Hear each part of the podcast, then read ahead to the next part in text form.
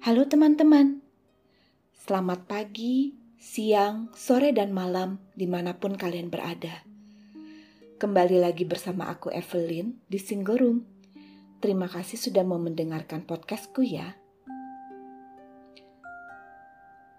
Untuk episode kali ini, aku mau menceritakan sebuah kisah yang menakjubkan dari temanku L. Di mana L telah berani menceritakan kehidupannya yang batal menikah. Dan semua ini terjadi tiga tahun yang lalu, tiga bulan menjelang hari pernikahannya. I know, it's hard and a difficult situation to handle.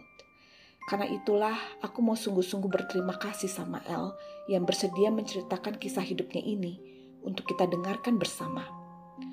Karena aku tahu, tidak hanya L yang pernah mengalaminya. Setidaknya setiap tahun aku mendengar kisah teman-teman atau kenalanku yang batal menikah juga. Dan respons yang mereka hadapi beragam. Ada dari mereka yang justru merasa relief dan terbebas, namun ada juga yang dari mereka yang merasa terpukul dan kecewa dengan kejadian ini, sampai akhirnya berpengaruh ke dalam kehidupan. Dan salah satunya adalah L. Well, bagi kamu yang pernah mengalaminya, Mungkin kisah ini untuk kamu juga. I truly hope dengan berbagi atau sharing seperti ini dapat membuat siapa pun yang mendengarnya tahu that you're not alone, my friends. We have each other back. Okay, are you ready? Here you go. Saat kilas balik menceritakan kisahnya kemarin, terbersit di pikiranku kalau L itu kuat dan hebat. Sekalipun ia masih sendirian sekarang, sementara mantan tunangannya sudah menikah bulan ini. But it's okay.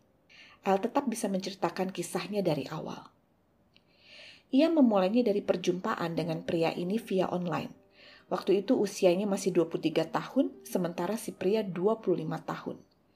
Sebenarnya impresi pertama El, ia nggak tertarik. Karena Doi memiliki wajah yang manis kayak cowok Korea, bertubuh pendek dan agak gendut namun rapi, selalu wangi, dan harum, juga berasal dari keluarga yang berada.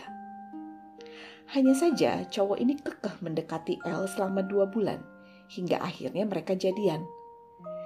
Dan setelah enam bulan berpacaran, dikarenakan orang tuanya tipe yang pengen cepat-cepat punya cucu, menanyakan ke El dan anaknya. Jadi, kapan kalian mau menikah? Sehingga beberapa waktu kemudian keluarlah pertanyaan, "El, would you marry me?" Dan El mengiyakannya. Maka status mereka berubah menjadi tunangan. And this is where the story begins. Dikarenakan El tinggal sendiri di Jakarta sementara keluarganya tinggal di Jambi, maka El akui ia menjadi semakin dan bertambah dekat dengan keluarga tunangannya. Terlebih keluarganya menyukai El juga menyayanginya layak anak perempuan sendiri. El pun mulai memanggil orang tuanya papa dan mama. Saking dekatnya, sang ibu suka menawarkan, kamu tinggal di sini saja El sama kami sedari sekarang. Namun El merasa enggan, maklum ia bukan tipe seperti itu. Toh selama ini juga ia sudah terbiasa mandiri, maka ia memutuskan untuk menolaknya dulu. Tapi berjanji akan sering datang main ke rumah tunangannya. Baru dari situlah El dapat melihat semuanya. Terngiang-ngiang di pikirannya, benar ya, kalau mau jadian sama orang tersebut, kita harus menyelidiki lebih dalam. Do a lot of research about him or her sebelum mengambil keputusan untuk menikahinya. Soalnya, semua itu justru akan mulai terlihat di momen ini. Di saat persiapan pernikahan. Inilah momentum yang paling penting, tidak cuma untuk El, tapi bagi pasangan lainnya juga. Dan pertama-tama adalah tentang pekerjaan yang membuat El banyak terbuka dan memikirkannya. Sang tunangan berkata kepadanya kalau selama ini ia bekerja sama orang tuanya, karena memang mereka mempunyai bisnis keluarga. Hanya saja, ternyata kenyataannya cuma setengah. Benar, ia bekerja dengan orang tuanya, tapi nyatanya tidak digaji. Maka dengan demikian, perihal finansial masih disupport oleh kedua orang tua. Nah, Di sinilah pertimbangan pertama El mulai muncul. Karena setelah menikah tentu saja tidak bisa begitu lagi bukan? El pun sempat bertanya kepadanya, apakah kamu akan begini terus, bergantung kepada keluarga? Akhirnya ia memutuskan untuk bekerja yang sama dengan El, yaitu ngelesin anak. El menawarkan beberapa anak murid kepadanya untuk diajar. Hanya saja ia cukup picky dan sesudah mencoba mengajar satu atau dua kali, ia memilih untuk mengajar anak-anak yang lain saja. El semakin bertanya-tanya. Pasalnya di kehidupan nyata kan kita tidak bisa pilih-pilih orang atau situasi begitu. Semuanya bisa aja terjadi dan tentu saja harus diterima dengan lapang dada. Tapi mungkin dikarenakan selama ini ya selalu bekerja sama keluarganya ya, maka ia belum mempunyai mental yang demikian. Cuma ya nggak apa-apa deh, El sangat menyayanginya dan mau selalu berusaha menolongnya. Toh ia akan menjadi suamiku kelak, begitu pikirnya. Hingga tiga bulan sebelum hari pernikahan, pasangan ini dikejutkan oleh kedua orang tua si pria yang ingin membelikan mereka rumah untuk ditinggali. Namun, setelah melihat rumah tersebut dan sebelum memutuskan, Papa dan Mama akan membantu membayarkan DP rumahnya. Namun untuk bayar cicilannya, kalian berdua ya? Yaitu sebesar 15 juta per bulan saat itu. Kebingungan El berubah menjadi ketakutan. Pasalnya El menyadari, bagaimana kita berdua yang bayar? Kan kamu gak kerja, maka otomatis jadi aku yang bayar dong. Sementara rumah tersebut atas namanya. Tapi kok jadi begini ya? Saat itulah mungkin titik di mana El tidak dapat bertahan lagi. Ia menyampaikan pemikiran dan keluh kesahnya itu sama papanya. Dan papa El juga bingung. Biar bagaimanapun, finansial adalah hal yang penting. Jangan sampai hanya karena uang nantinya jadi sering berantem. Akhirnya, El mencoba membicarakan perihal ini kepada fasilitatornya saat pertemuan kelas premarital berikut. Ya, Calon pasangan suami istri yang akan menikah biasa mengikutinya bersama-sama. Dan di sinilah mereka akan dibimbing oleh kedua fasilitator yang biasa juga merupakan pasangan suami istri untuk persiapan bersama yang semakin mantap juga baik ke depannya. Dan El mengemukakan semuanya, ngomong apa adanya di depan sang tunangan, jadi tidak ada yang ditutupi. Seperti biasa, sang fasilitator akan menanyakan kepada kedua belah pihak. Hanya saja Respons yang didapat L adalah ia disebut terlalu banyak menuntut, juga terlalu galak dan kerjanya push terus. Padahal kan mama dan papa yang akan provide termasuk saat kita menikah nanti. Namun bagi L, apa kamu gak kasihan sama orang tuamu yang malah biayain kebutuhanmu setelah menikah? Itu jelas bukan value L yang tidak dididik untuk meminta-minta sama orang tua seperti itu. Malahan, as I've mentioned it earlier, She's an independent woman. Elle sempat menyampaikan sebuah visi. Bagaimana kalau setelah menikah kita pindah ke Australia? Karena Elle memang pengen banget ke sana. Bersama-sama kita give up apa yang dimiliki di Indonesia ini dan memulainya di luar negeri. Berjuang bersama. Tapi semua itu langsung ditolak.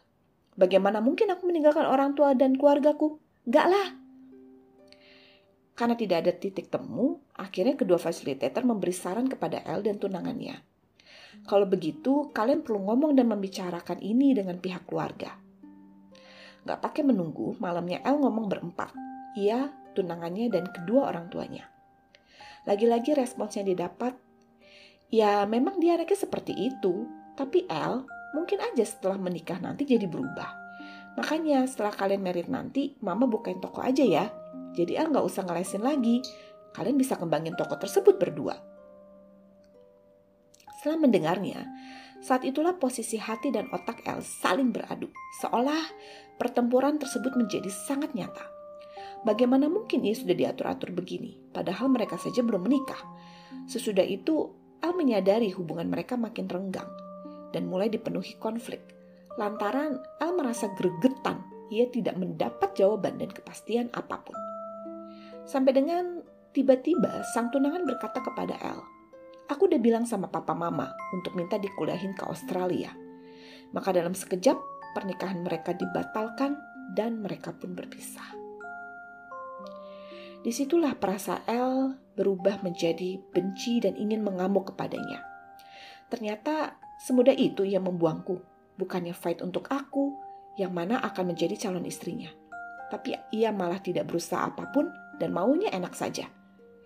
El merasa marah sama dirinya sendiri juga. Kenapa begitu bodoh? Mau menyerahkan segalanya untuk dapat terus bersama dia. sekaligus mempertanyakan dirinya sendiri, apakah aku tidak selayak itu untuk dicintai? Yang nyatanya hal ini mempengaruhi kesehatan. Tanpa disadari, El menderita stres, saking sedihnya, yang berujung ngefek ke fisik. Dimulai dari bulan Desember, saat menyetir, El sadar pandangannya blur. Dilanjutkan setiap kali memegang pensil, ia menjadi gemetaran.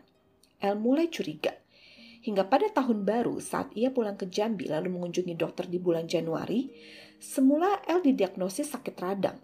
Namun mama El melihat kok lehernya membengkak.